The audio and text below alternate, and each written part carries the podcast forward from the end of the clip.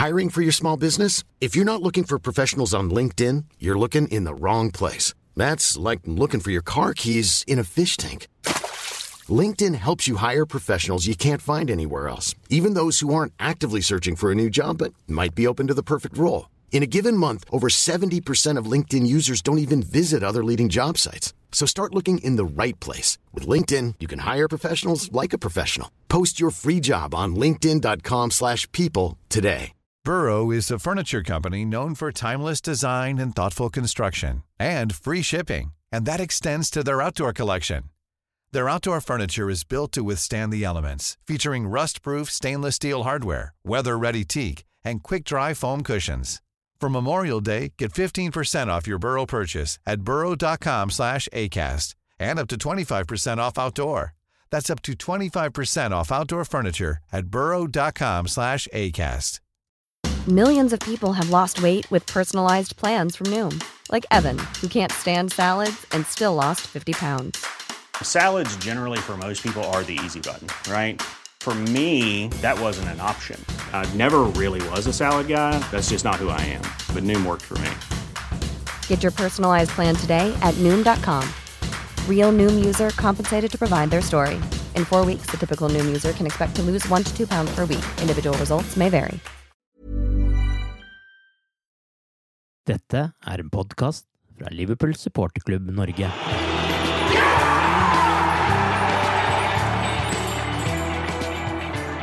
Så er vi der igjen, som vi var i 2002, som vi var i 2004, som vi var i 2007, som vi var i 2014, og som vi var sist sesong. Igjen skal avgjørelsen skje på gruppespillets siste dag. Tirsdag 11. desember når julestria sitt klimaks for oss supportere. Vi er nå kommet til den 19. episoden av The Cop-Out-podkasten.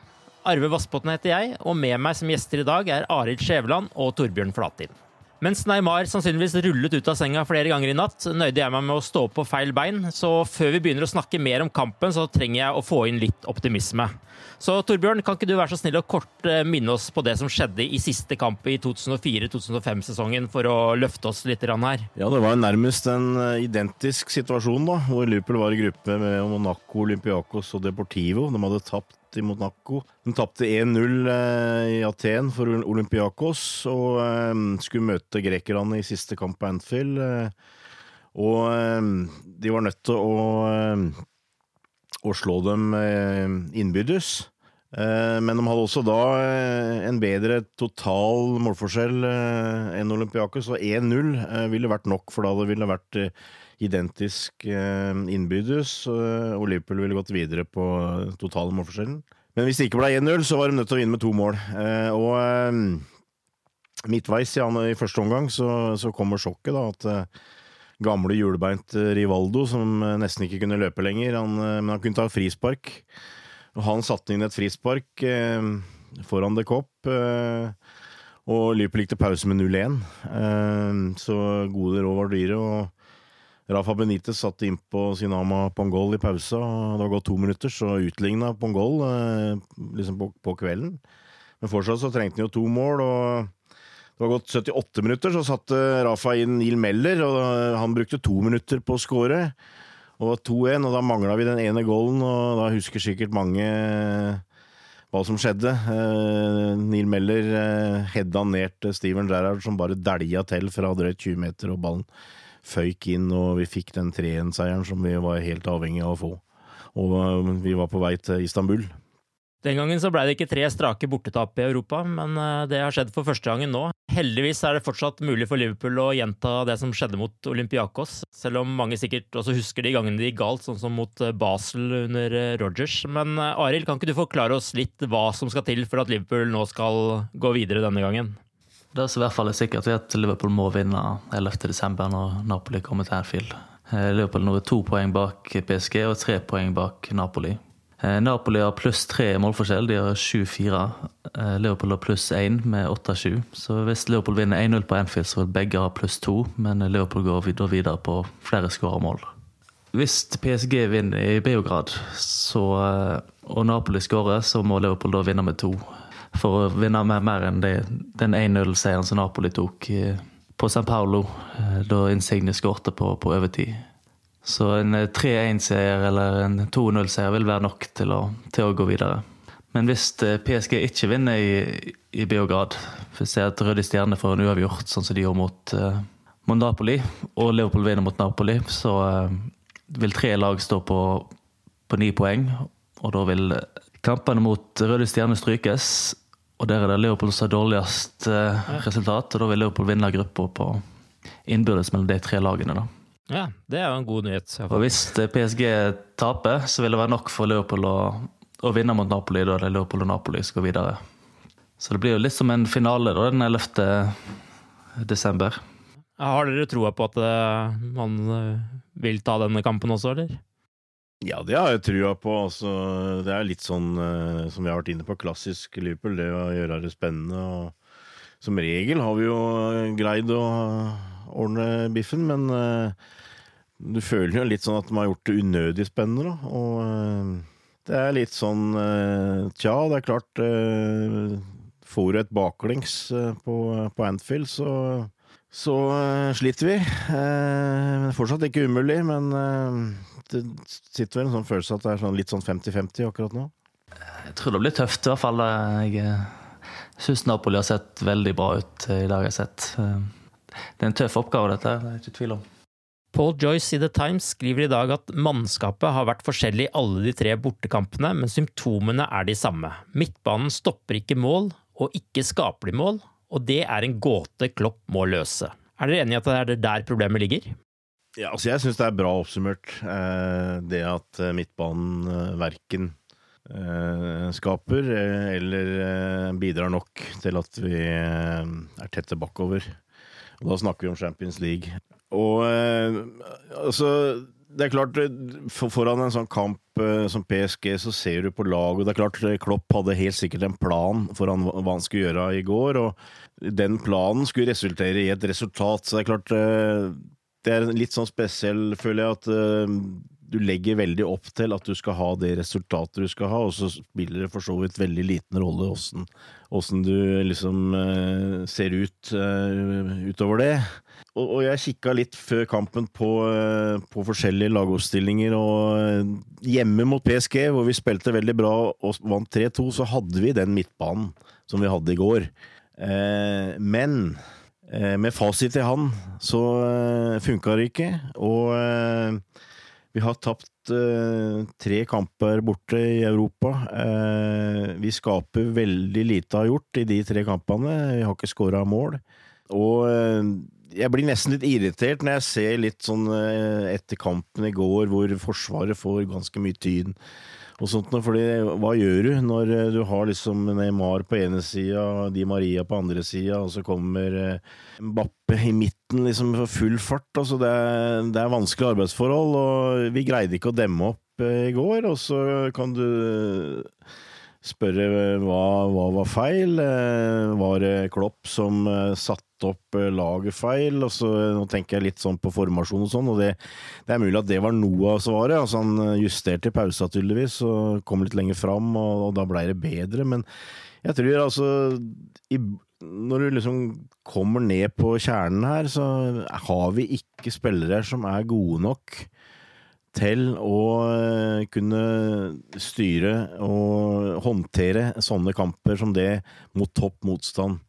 Og så er, er da spørsmålet hva gjør vi med det? Altså, har vi folk i troppen som kan løse det? Og det håper jeg vi har, i hvert fall langt på vei, med Nabi Keita og Fabinho jeg, jeg, føler at den, den kampen eh, i, i, går altså det, For meg føles det litt sånn som ut som på et veiskille. Altså, vi, vi har eh, hatt eh, Vinaldum, Milner, Henderson eh, ganske lenge. Eh, de har gjort mange gode kamper. Eh, de har vært utskjelt tidligere, de har kommet tilbake for så vidt. Men altså, jeg tror du må liksom stikke fingeren i jorda og si at det, det er ikke bra nok. Og det må gjøres noe med det. Og eh, i første omgang så føler jeg at han må Klopp må kjøre inn Fabinho og Keita. Og, og, jeg, og når jeg sier det, så forstår jeg også det, at det er grunner til at han ikke har gjort det. Det virker jo ikke som han stoler helt på dem ennå, fordi at de er, de er nye. Fabinho har tydeligvis uh, slitt med å omstille seg til den måten å spille på som Klopp gjør, som gjør i engelsk fotball. Uh, mens Keita har hatt trøbbel med skader og fått en veldig sånn stopp-start uh, i Liverpool. Men, men, nå føler jeg at det, du må bare kalle en spade en spade og si at det som har blitt vist nå, det, det, er ikke bra nok. Hva tenker du, Arild? Er Nabi Keita svaret på den gåten som Paul Joyce ber Klopp løse her? Han så sånn ut helt i starten på sesongen, i hvert fall. Før, før han fikk denne startstopp med den skaden. Jeg syns han så veldig lovende ut helt i starten. Jeg syns egentlig han så ganske bra ut når han kom inn i i går òg, selv om at eh, han kom inn på et tidspunkt der eh, PSG hadde latt Leopold få lov å trille litt mer ball. Men i hvert fall en sånn type som eh, kan bidra med noe litt annet enn enn de tre da, de tre arbeidshestene, hvis man skal se det litt stygt. Ja, Bare for, bare for å utfylle mitt eget svar her. Det, det, det, egentlig Arild er jo inne på det her. altså at når det gjelder de tre såkalte arbeidshestene, så er det ikke noe tvil om at dem eh, løper og løper og løper. og Det var, det, Klopp sa på pressekonferansen, eller han sa til i hvert fall journalistene, lokale journalistene før kampen. At dette her blei en kamp hvor du måtte løpe og løpe og løpe og hindre eh, motstanderen å få rom.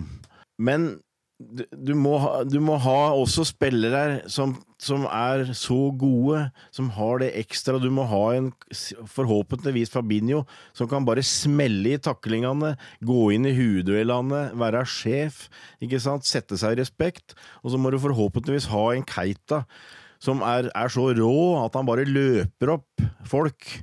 Eh, som vinner igjen ballen, som starter angrep, som er et uromoment, som er ei plage hele tida. Eh, her blir det litt for mye det samme gamle jevne, liksom, ikke sant. Altså, gjør en solid jobb, men altså, totalen blir ikke bra nok. Sånn, sånn føler, føler, jeg det. Eh, og da skal jeg ikke drive og messe noe særlig mer med det, men altså det, det, det, var sånn det så ut i går kveld, i hvert fall. Få spillere som splitter fansen mer enn f.eks. Jordan Henderson, da. Altså de som eh, er for og imot der. Men hva syns dere om han i denne kampen, og sånn generelt hva han har prestert uh, denne sesongen? da? Ja, altså jeg, jeg, liker jo også ta Jordan litt i forsvar. Altså han er en ærlig spiller. altså Du veit hva du får. Uh, full innsats. Jeg har jo sagt ganske lenge egentlig at noe av det som jeg syns Klopp burde gjøre, men som jeg er ganske overbevist om at han ikke kommer til å gjøre, er å gi van Dijk kapteinspinnet og la Jordan få konsentrere seg om å være indreløper. Det tror jeg kanskje vil eh, avlaste han litt. Jeg tror han føler at han tar litt for mye ansvar eh, og har litt for mye bør på skuldrene sine. Eh, jeg syns ikke han var den dårligste i går. Jeg syns faktisk Vinaldum var den som sleit mest i går. Men det blir liksom en sånn derre greie hvor du har tre stykker som er for like. Mm. Altså hadde du hatt et typisk anker og et mer sånn rivjern, og da tar jeg jo bakhuet Fabinho og Keita, da. Så kan du bruke én av de tre. Og da føler jeg ikke at det er så veldig stor forskjell på dem, sjøl om Milner kanskje Kanskje har vært den beste, sjøl om Fabinho har hatt en bra sesong så langt. Eh, så, så jeg, jeg, jeg, føler ikke at det er noe stort problem med Jordan Henderson i og for seg, men altså, du kan ikke bruke tre Jordan Henderson, liksom. Og det, er, det ligner, ligner, sånn som det var i går. Men hvis du skal bruke én av de, så vil du heller ikke bruke Jordan Henderson, da? Eller? Nei, i utgangspunktet ikke. Jeg tror nok kanskje jeg ville brukt Jeg tror nok kanskje jeg ville brukt Vinaldum, mm. men altså Milner, for all James Miller har gjort noen gode kamper, så og han òg har liksom litt sånn ekstra kvalitet med at han kan slå innlegg og sånt noe, men eh, det ville vært en kamp for meg mellom Vinaldum og, og Milner per i dag. Hva med deg, Arild? Igjen så er jeg litt forenig med Torbjørn til at vi bør på samtidig. Det er nok sånn. det skal vi huske på neste gang vi booker. men hva, hva syns du om Henderson, da, sånn uh, generelt? Nei Det er litt sånn uh, I enkelte kamper så er det det er greit nok. Men sånn som i går, så syns jeg både han og Van Eldum sleit veldig. Det er jo så klart ikke lett å altså stoppe en Neymar, men i første omgangen så var det liksom Det var nesten ikke i nærheten Det er mye snakk om at Neymar lå nede og den slags, men han, eh, han fikk altså, jobba seg til så masse rom og, og, plass fordi de ikke klarte å komme i nærheten av han at eh, det var en vanskelig oppgave. Det var, det var en vanskelig oppgave, og helt klart du kan, du kan, liksom sitte og synes synd på deg sjøl og litt sånt. Så jeg, jeg, satt her og sa det etter ti minutter at det her har vi trøbbel. Men kan vi holde ut i ti til? Eh, så begynner jeg å få litt trua, fordi at eh, PSG eh, kjørte ut til 100 eh, i et tempo som jeg var overbevist om at de ikke kom til å holde hele omgangen. Og, det viste seg vel etter hvert òg utover omgangen at det dabba av, men så fikk de den goalen, ikke sant, og det forandrer veldig mye. Men altså, vi kan ikke sitte og liksom håpe at dette her skal gå etter planen. Vi må forsere og skape den på en måte planen og utviklingen i kampen sjøl. Eh, men, men, det tror jeg kanskje var noe av tanken til Klopp, at han skulle prøve å drepe eh, den midtbanen og den kreativiteten som eh, PSG hadde. Og så fikk vi etter hvert jobbe oss inn i kampen. og og, og, og, så begynne å, skape litt sjøl. Uh, men er det der liksom midtbanen sliter litt? da, Den omstillinga der, når du da går fra å på en måte bare jage og skal slukke branner her og der, til å skulle skape sjøl. Altså, man ser jo med et par anledninger hvor det kommer gode baller inn i bakrommet, og Salah er nær ved å utnytte de mulighetene, f.eks. Men at det kanskje noen ganger er en litt sånn beslutningsvegring når du skal framover banen, fordi man er såpass vant med å skulle demme opp eh, i starten av sånn kamp, at det virker litt sånn at eh, den smoothnessen med å gå over i angrepsdelen er, er litt vanskeligere, da. Ja, altså det er klart at, men Den midtbanen du hadde i går, så er det jo ikke noen Eh, klart kreativ spiller, altså en playmaker i og for seg. Altså, eh, For all del, alle de tre kan spille av en og annen pasning, det er ikke det jeg sitter, står og sier, men altså, ingen av dem er noen naturlig kreativ spiller. Men eh, du, ja, du, så Du kan si tidlig i, eh, i annen omgang så var det en periode hvor du følte at Liverpool var i ferd med å få et lite grep på kampen, fordi de greide å presse høyere, de greide å vinne igjen ballen høyere, de greide å skape situasjoner. De kom riktignok til veldig få sjanser, men de hadde muligheter da. og det, Dette kommer helt ikke til å høres ut som sure miner, men altså jeg tror ikke Paris Saint-Germain kommer til å vinne Champions League, for jeg føler at det er et lag som det er mulig og sette litt eh, ut av fatning, eh, og presse og, og, skape trøbbel. Og det var de nære ved å gjøre i begynnelsen av omgang, men det var fordi at vi, vi trøkte på og kunne ligge høyt, og det tror jeg var, det var litt sånn Klopp tenkte, også for de tre framme for så vidt på en måte ordne resten. Så kunne du ideelt ønske deg kanskje en sånn Verati eller en eller annen spiller som i tillegg kan være med å skape med fra midtbanen, men, men det tror jeg var, det var liksom den såkalte planen som Klopp hadde lagt opp til. Altså det, jeg, jeg, tror ikke Klopp hadde noe veldig plan om at vi skulle skape i utgangspunktet veldig mye fra midten, men vi må være med og styre spillet. Vi er nødt til å å kontrollere kampen, som det er så populært å si. Eh, og det var jo altfor sjelden eh, vi greide, da. Men eh, det, det, det, det syns jeg mangla litt. Altså, for jeg, jeg som, som, som, jeg sa, jeg, jeg satt med følelsen at nå var det like før vi begynte å få litt tak i form, og vi hadde fått en eh, litt heldig redusering rett før pause. Eh, og, og, vi kunne eh, skapt trøbbel der, som sagt, i begynnelsen av andre gang. Fått en utligning, og da hadde de vært på hæla. Men vi mangler også en type, syns jeg, som kan gå foran og, og styre og lage litt sånn ja, oppstuss, eller hva, jeg vet ikke hva ord jeg skal bruke, liksom skape litt vei i vellinga. Altså, vi, vi, har jo kaptein utpå der, vi har visekaptein, men de er likevel ikke en sånn Steven Gerrard som bare smeller inn og liksom får i gang noe. Jeg håper jo kanskje at Keita kan bli en sånn type, da. men han typen hadde vi ikke i går. Eh, og da, da, blir det for spett. Altså da, totalen blir for spett. Hva tror dere er årsaken til at uh, Klopp ikke starter med et høyere press i en sånn kamp som det her? Vi har jo egentlig en kamp hvor det er egentlig sånn om man vinner eller taper, så har man fortsatt muligheten seinere. Vinner man, så har man uh, allerede avgjort det, på en måte. Hvorfor går man ikke hardere ut fra starten her? Jeg tror det handler litt om eh, Det er jo en del lag som har prøvd det før. Bayern München har vel tapt 3-0, og Barcelona har tapt 4-0. Altså De har såpass kvaliteter, av PSG, at hvis en skal liksom gå, gå etter dem med en gang, så, eh, så blir en fort straffa der i Paris, altså. Jeg, jeg tror Jørgens plan var å, å holde det ganske tett, og så eventuelt ta de på Og så vinne den krigen og så få et sånt mål at de De har en del sånne typer som i hvert fall på Anfield så ut som de gir litt opp på en måte hvis de ikke fikk ting til å stemme. Men i går så var jo alle disse krigerne helt uh, egentlig helt glimrende, syns jeg. Tiago Silva spilte en veldig god kamp, og Verratti var selvfølgelig banens beste. og Markinios slet som på Anfield, han òg gjorde en veldig, veldig god kamp. så jeg tror Å gå, sånn, gå i strupen på de sånn Jeg vet ikke om eh, I hvert fall ikke sånn Liverpool har spilt så langt sesongen. Nei, det, nei, det jeg tenker på er litt, det, det er jo på en måte, var jo litt varemerke eh, sist sesong, og kanskje sesongen før det er enda mer. Det der å gå i strupen på den type lag og presse høyt og vinne ballen. og, og ikke, selv om man ikke hadde ballen mest, uh, allikevel komme av gårde med en seier. Men det er jo en annen tilnærming til kampene nå. Ja, nei, altså, jeg, jeg, tror, jeg tror Arild er inne på noe der. Altså, jeg, tror, jeg, tror, tanken var å eh, ligge dypt og hindre rom, men altså, sjøl om du ligger dypt, så er du nødt til å være aggressiv. Og jeg følte at uh, Problemet var at uh, Liverpools midtbane ikke kom oppi kjapt nok. Altså, De var, var liksom ikke med når uh, raske vendinger, folk kommer bakfra, utfordrer. Uh, og så var nok da planen at de skulle, som sagt, eh, prøve å drepe dette her. Eh, få liksom stemninga ned i det hele tatt, og så begynne å eh, sikkert prøve å komme seg litt høyere etter hvert.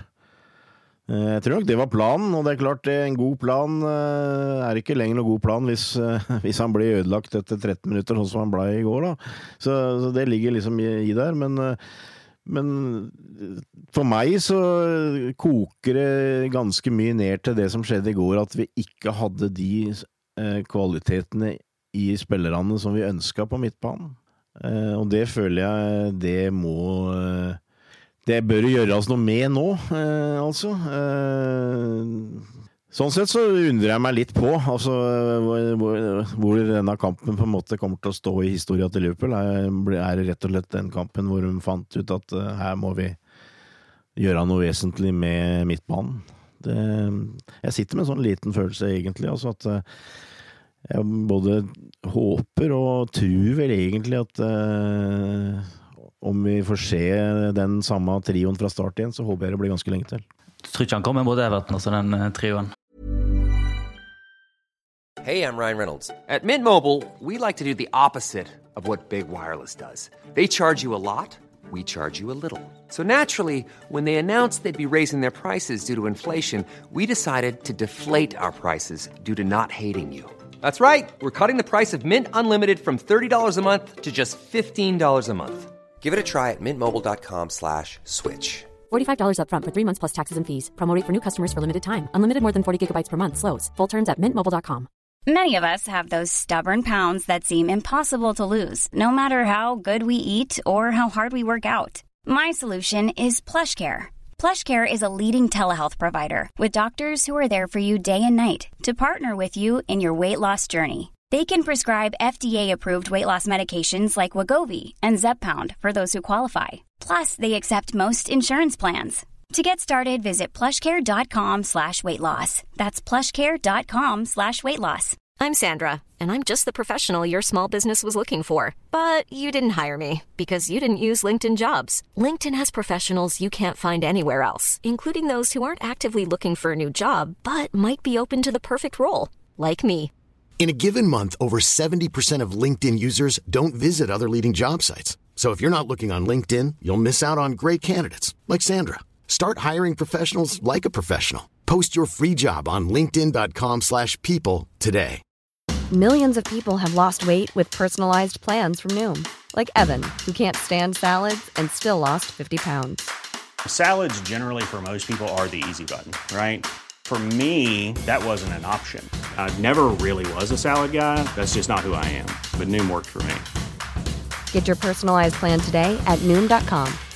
Real Noom user compensated to provide their story.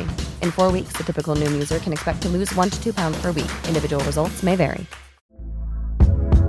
Hey there, it's Michelle Norris. I'm host of a podcast called Your Mama's Kitchen. When I travel, I'm usually looking for a way to find a taste of home when I'm not at home. And one of the things I love to do when I am at home is entertain. And Airbnb allows me to do that. When I was in California recently, I rented a house that had a great kitchen. And when we were sitting around the table, we're all thinking, we're in someone else's house. Someone could be in all of our homes as well.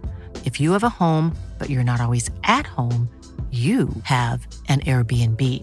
Your home might be worth more than you think. Find out how much at airbnb.com/slash host. Nei, det tror jeg ikke. Nå er vel Henderson suspendert, så Ja, vi veit vel egentlig for så vidt for så vidt svaret på det Ja, det er men, eh, nei, altså det, det er vanskelig å si, og det, det er også noe av problemet til Klopp nå. Altså, uh, min gode venn uh, Sherdan Shakiri eh, eh, det kommer sikkert til å sjokkere noen, men altså, jeg var ikke overraska at han ikke starta i går, for jeg følte kanskje ikke det var hans kamp. Eh, og jeg var ikke- overraska egentlig at han gikk over til 4-3-3, for jeg tror kanskje at han Du har en oppfattelse at det er det systemet som han tross alt eh, føler seg mest trygg med, og når du da skal gå i en sånn kamp som det mot en eh, veldig tøff motstander, hvor du skal ha et resultat på bortebane, eh, så var jeg ikke overraska at han kjørte med de tre vanlige på topp, og så en mer eh, for så vidt konservativ midtbane, sjøl om jeg som da ikke hadde akkurat valgt akkurat de tre. Men, men nå har han jo på en måte problem, for nå Jeg vil tro at jeg er en av mange som vil ha Sherdan inn mot Everton. Og gjøre det da ved å bruke et 4-3-3, gjøre det ved å bruke en som på midtbane i 4-3-3, eller bytter du system igjen og spiller 4-2-3-1. Eh, så, så han er litt i sånn derre valgets kvaler, tror jeg, herr Klopp. Og det har greid å takle i ligaen så langt, men eh, det, det gjelder å prøve å finne den rette balansen både på det ene og andre måten her. Så jeg, jeg er veldig usikker på hvilket lag jeg ville satt opp mot Everton, men eh, jeg ville gjort eh, flere forandringer. Jeg ville kjørt inn eh, i hvert fall Keita og Shakiri eh, mot Everton, det, det er helt sikkert. Trent ville jeg hatt inn eh, fort som fy. Jeg syns det Jeg vil ha Gomez tilbake i mitt forsvar. Altså det, Men, men hva tenker du sånn formasjonsmessig, her? Vil du ha på en måte um, en, fortsette den 4-3-3 der, eller vil du over til den uh, 4-2-3-1-varianten som du vel har kjørt litt i siste kampene? litt bekymra for Femino. Eh, Jeg syns ikke han var Jeg syns han sleit i går. eh, Men samtidig så jeg, jeg vil ikke ha en større ut fra start, så jeg vil eh, Alternativet vil være å kjøre Shakiri inn for Firmino og så kjøre Sala i, i midten der, men Nei, jeg syns det er vanskelig, altså. Jeg leste at Firmino har starta 85 kamper siden starten av, eh, av forrige sesong, og det er en del. Men han, i går så satt liksom ingen eh, kombinasjoner. Det var liksom eh, Nei, jeg ble litt bekymra for han. Han trenger seg en liten pause. Men bare for å ta det videre med de foran. Altså, hva tenker dere at mangelen på dems rytme handler om? Altså, det, kan det også forklares mest med midtbanen, eller har de noe eget ansvar her også for å klare å skape litt på egen hånd? Jeg føler jo at uh det har mye sammenheng med, med måten Liverpool ikke greier å kontrollere kampene på, sånn som uh, borte i Europa, da. Uh, det er klart, Arild har et poeng med Firmino. Han, uh, han har ikke vært eh, helt den samme som han var forrige sesong. De to andre syns jeg er, eh, virker i ganske bra form, eh, men det blir sånn i glimt, og det er litt typisk eh, når du får såpass manglende støtte som du gjorde i, går, da. Følte jo at Sala var en trussel, og den var litt småredden, men det blei litt for mye aleine. Maneo greide å lage litt oppstyr, skaffa ei straffe.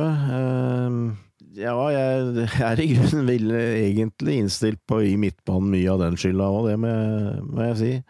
Men det er klart eh, Nå sitter vi med fasiten i handa, men det er klart å ha hatt en type som Shakiri, som kan liksom trylle fram eh, en sånn eh, superpasning eller eh, gjennomspill eh, sånt, og det det hadde vi hatt god bruk for eh, etter hvert eh, i går, da, men eh, som jeg har sagt, altså jeg, jeg tror på en måte at Klopp i Hans første tanke var at dette her skulle, var en jobb å gjøre, å skaffe et resultat. Og da tenkte han nok mest på å prøve å hindre PSG å spille sitt spill, tror jeg, i stor grad. Mens, mens det selvfølgelig blir noe helt annet mot Everton på søndag. Men, men, tenker dere sånn som i går, da, da kom jo Keita inn og Shakir inn etter hvert, men, men, kom de byttene for seint, eller kunne de ikke komme noe før? Ja, jeg, de kunne godt kommet før. Det, det, føler jeg jo. Det er vel litt sånn Jørgen. Han har, en tendens til å kanskje vente litt med byttene. Men jeg syns det er litt rart at han f.eks. ikke bytta Keita i pause. Det, det, må jeg si. Eh, og prøv, prøvd, å få litt mer energi, litt mer driv og sånt noe. Men han, han gjorde vel jeg, tror jeg er ganske sikker på han gjorde en justering sånn litt formasjonsmessig ved å prøve å sette dem litt høyere. og Tanken var vel at uh, vi får se åssen det går, og så, og så får vi heller bytte, men uh, Nei, jeg veit ikke. Jeg, jeg, sitter liksom ikke med følelsen at det hadde løst alle problemene, altså. Det, det var et eller annet Altså, vi var liksom kommet litt sånn i i sørpa, på en måte. og Den tror jeg ikke vi hadde greid helt å komme til, nesten uansett hva han hadde gjort fra benken i går. Liverpool har jo lykkes veldig bra i Premier League denne sesongen, og vi skal selvsagt ikke grave oss helt ned pga. et eh, resultat mot eh, et veldig bra lag i Europa. Men, men, hva er grunnen til at eh, man har klart å grave fram så mye bra resultater i hjemlig liga, men ikke Champions League denne sesongen? Altså Én ting er jo kampen i går, men man har jo også sett det mot antatt svakere motstand enn Paris. Jeg vil si at Leopold fikk jo dødens gruppe i, i år. Altså det er jo Napoli og PSG det kunne jo ikke vært så veldig mye verre enn det sånn eh, trekningsmessig. Og så noe litt annet å grave et resultat mot, mot Watford enn mot PSG, liksom. Men uh, Røde Stjerner, det var jo det var en helt svart dag på jobben. og ja, nei, De to andre klarer liksom ikke helt å, å sammenligne med de. Kanskje Chelsea-kampen, der du fikk en, en sen utligning, men uh, nei. Det, det handler nok litt om, kvaliteten på motstanderen òg, altså. Ja, det, det, det, gjør nok det, men uh, også tror jeg, tror jeg tankegangen uh, muligens er litt annerledes. Uh, når du liksom spiller mot Napoli og PSG borte i Champions League, så, så, tror jeg som sagt det er med Da er det, tror jeg Klopp er mye mer opptatt av å, å, legge opp en slagplan. Gjøre en jobb. Mens sånn som Manchester City har satt standarden i Premier League nå, så må du i realiteten prøve å vinne hver eneste kamp. Eh, mens forutsetningene på en måte er litt annerledes i de to kampene der. Der hadde vi vært fornøyd med vi, Selvfølgelig, du vil gjerne vinne når du går ut på en fotballbane, og det vil jeg helt sikkert Klopp på, men vi hadde vært fornøyd med uavgjort i begge de kampene der. Uh, og jeg, jeg, tror det liksom er litt sånn uh, i tankegangen. Vi, vi, kjører hardere i ligaen, og da er det liksom uh, Og, og da, da, Det har litt men selvfølgelig med nivået som Arild er inne på også. ikke sant? Hvis du spiller mot et lag fra nedre halvdel, så kan du håpe at vi har midtstopper her og keeper som hvis vi kjører litt hardt og skulle få noe kontringer imot, så har vi folk som kan håndtere det. Så ehm, jeg, jeg, tror det ligger litt veldig mye opp i huet, altså at vi, vi mer går for i, i ligaen. og dette, ikke, tror Laget som blir tatt ut, bærer nok litt preg av det, men kanskje enda mer den uh, formasjonen som han setter opp. Jeg tror han, han De legger seg dypere, har gjort spesielt i de to kampene hvor vi er inne i Napoli og, og Paris, tror jeg. Uh, Arild var jo innom dette med Trent uh, Alexander Arnold versus Joe Jo Gomez. Det virker jo som Klopp på en måte velger Gomez som høyreback når han frykter motstandernes angripere. og Man taper jo litt offensivt på det også, men samtidig så iallfall mener jeg, og det fikk vel inntrykk av du og Arild, at Gomez også er et bedre midtstopper enn Lovren i kombinasjon med van Dijk. hvordan skal han løse den floka der framover? Altså, eller hva tenker dere? Nei, jeg, jeg, tror han uh, rett og slett stoler litt mer på Gomez uh, defensivt. Uh, at han er litt kanskje engstelig for Trent hvis han tror det er kamper hvor vi blir litt stilt med ryggen mot veggen. Eh, mens han er et bedre våpen hvis vi skal eh, styre kampen mer, eh, kombinere langs sida. Sånn, det er den litt følelsen jeg sitter med. Også hvis du forventer en kamp hvor eh, det blir trøkt en del, så, så har du en sterk duellspiller med Lovren i midten, sjøl om han er omdiskutert. Eh, Så det er vel den oppfattelsen jeg føler jeg har. Altså, jeg, jeg tror jo på Klopp når han sier at han mener Trent Alexander Arnold kommer til å bli en eh, kjempespiller, men eh, som sagt, jeg tror ikke han føler at han er helt ferdig eh, utdanna, for å si det sånn ennå. At han i enkelte kamper eh, fortsatt er litt eh, engstelig for han. Nei, Arild, du har vært inne på dem. Jo, altså, det er jo en del eh, Crystal Palace og United og Sånne lag har jo angrepet mye på hans side tidligere, og når du skal møte sånne verdensstjerne, så forstår jeg at han kanskje vil gå for en litt mer defensiv trygghet med, med Gormes. Men eh, Gormes fikk det ikke lett, han heller, i, i går. Men jeg håper mot Everton at, eh, at vi får Gormes inn i det midtforsvaret og, og trent på bekken. Altså. Da regner jeg med han skal styre kampen en del mer òg. Vi skal fortsette med, med Everton. Eh, Vi har vært litt inne på det, men eh, hvordan ser eh, ditt, din foretrukne elver ut i den kampen? Det er, det er jo en ny bare for å nevne det, det er jo en ny kamp igjen mot Burnley allerede neste onsdag igjen også, så det blir jo ikke noe hvile her, selv om det ikke er noe Champions League neste uke. Jeg ville hatt Allison i mål og Trent Gomez, van Dijk og, Robertsen i forsvar. Så ville jeg hatt en Wijnaldum og Ja, nå vet jeg Torbjørn ble enig. Jeg ville hatt Wijnaldum og, og Milner. Og så ville jeg hatt Shakiri på midten. Og så ville jeg hatt uh, ville jeg kjørt med de tre på topp, med Salah, Firmino og, og Mané. Jeg tror bare man har noen som kan gå litt i, i krigen mot, mot Everton. De legger liksom en del ekstra innsats i akkurat den kampen, eh, Everton, så da tror jeg Jeg tror Milner må få plass, selv om at eh, en savner disse kvalitetene til Nabi Keita i, i Paris. Er du helt enig i dette laget også, eller Torbjørn?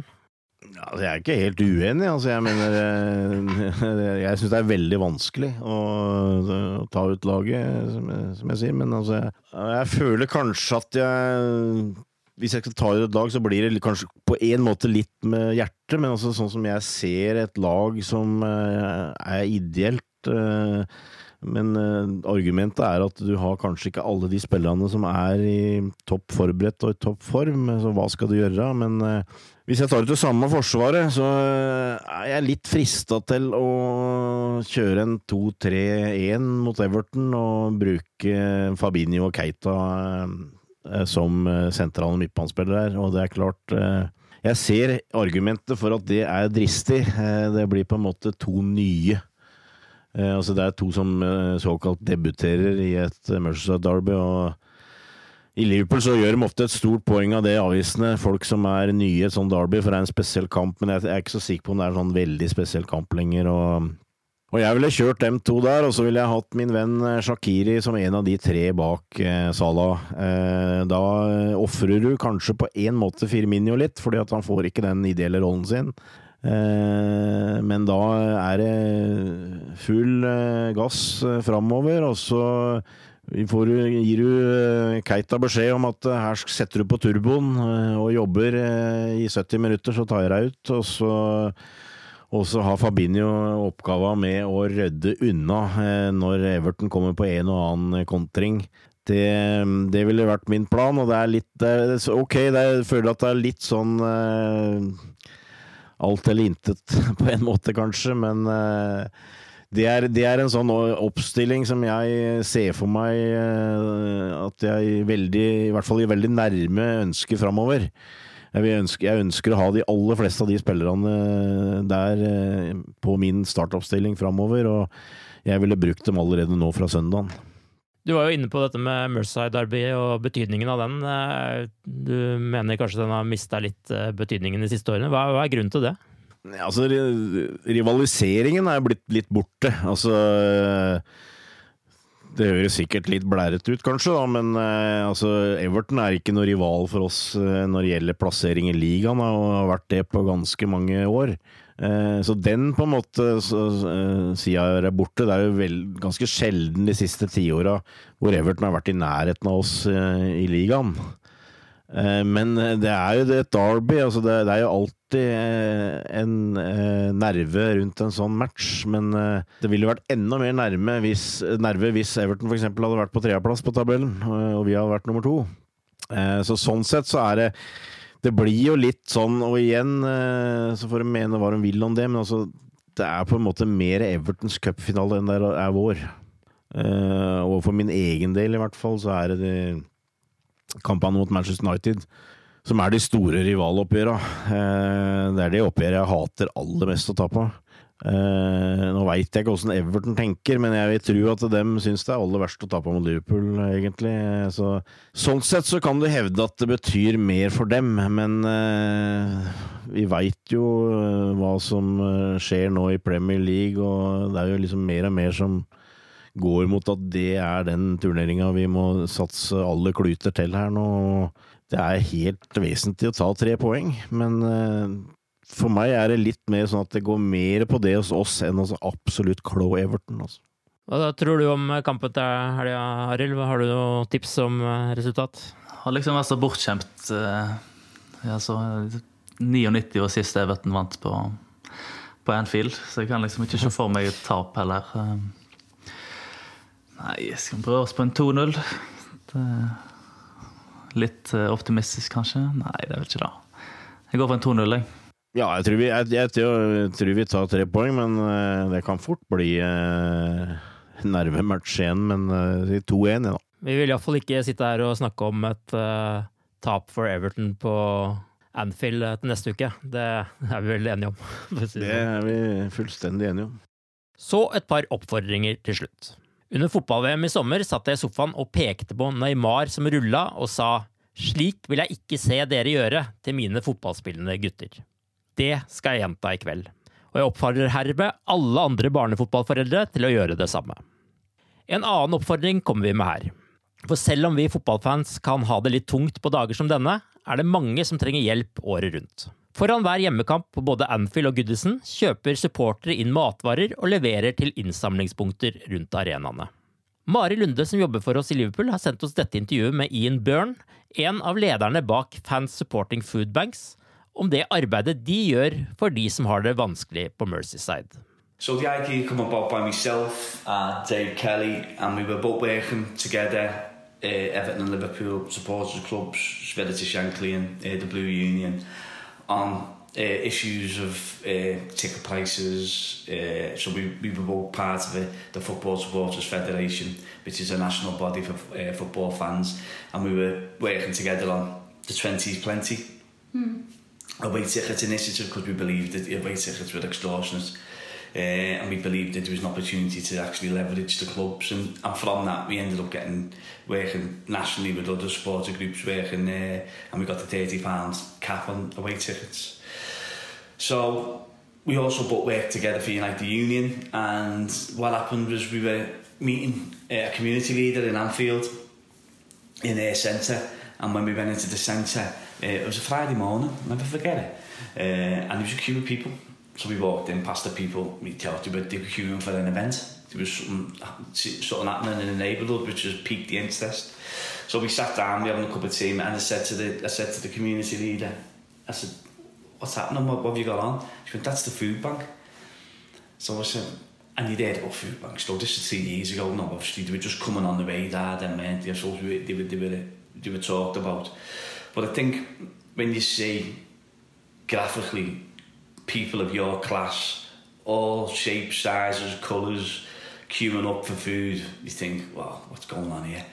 So she said come and have a look in the pantry. So we went and had a look in the, in the pantry to see what stocks they had and uh, it was pitiful. They had a big bag of pasta. They were splitting it into plastic bags because everything from that uh, food distribution centre within that community centre it was all donation only so it was just what the people within the area were actually donating. So we come away from that and we sat down and we thought what can we you know what can you do? You know you can do you know is there anything we can do to, to alleviate the situation? So then we thought well we've got what we've got is contacts within the football world and supporters groups so the idea then was let's tell you what let's start a food bank at the football matches uh, and we asked the supporters to collect So you'd have one week 60,000 at Liverpool, another week 60,000, uh, sorry, 45,000 at Everton, and potentially if everyone brought a nation. Primarily when we set fan support and food banks up, it was in the postcodes surrounding the grounds because this area surrounding the grounds, two of the, the wards are in top, the top 10 for poverty uh, within the country. So I think that's that was that was the idea behind it was to try and help our own communities. But now obviously we're seeing more and more. Uh, we're, sort of, we're seeing obviously the city. So we do do citywide initiatives as well, and we actually do things over the water in Birkenhead. Three hours before the kick-off, we land opposite the Anfield Road land next to the fan zone. Mm. We've got collection points also home baked which is an independent bakers directly opposite the cop, and we also collect in the club shop. Med det takker vi for oss denne gangen, og oppfordrer selvsagt de som er på reise til å hjelpe Fans Supporting Food Banks og andre veldedigheter som An Hour for Others i Liverpool. Tusen takk for at du lyttet til oss. Hvis du liker det du hører, så abonner gjerne på oss på iTunes eller Spotify. Takk for at dere var med, Torbjørn og Arild. Og så ser vi framover mot nok en magisk European Night på Anfield i desember, og forhåpentligvis et minnerikt Merceside Derby allerede nå på søndag. Ha det bra så lenge. Ha det bra. Up the Reds.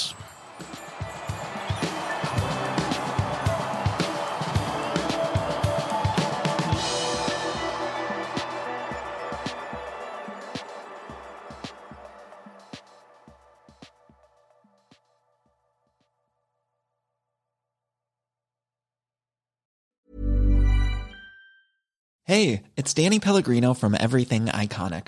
Ready to upgrade your style game without blowing your budget? Check out Quince. They've got all the good stuff shirts and polos, activewear, and fine leather goods, all at 50 to 80% less than other high end brands. And the best part? They're all about safe, ethical, and responsible manufacturing. Get that luxury vibe without the luxury price tag. Hit up quince.com slash upgrade for free shipping and 365 day returns on your next order. That's quince.com slash upgrade. Hi, I'm Daniel, founder of Pretty Litter. Cats and cat owners deserve better than any old fashioned litter. That's why I teamed up with scientists and veterinarians to create Pretty Litter. Its innovative crystal formula has superior odor control and weighs up to 80% less than clay litter. Pretty Litter even monitors health by changing colors to help detect early signs of potential illness. It's the world's smartest kitty litter. Go to prettylitter.com and use code ACAST for 20% off your first order and a free cat toy. Terms and conditions apply. See site for details. When you make decisions for your company, you look for the no brainers. And if you have a lot of mailing to do, stamps.com is the ultimate no brainer. It streamlines your processes to make your business more efficient, which makes you less busy. Mail checks, invoices, legal documents, and everything you need to keep your business running with Stamps.com. Seamlessly connect with every major marketplace and shopping cart. Schedule package pickups and see your cheapest and fastest shipping options from different carriers. With rates up to 89% off USPS and UPS rates. And with the Stamps.com mobile app, you can take care of mailing and shipping wherever you are. Make the same no-brainer decision as over 1 million other businesses with stamps.com. Sign up with code program for a 4-week trial plus free postage and a free digital scale. No long-term commitments or contracts. That's stamps.com. Code program.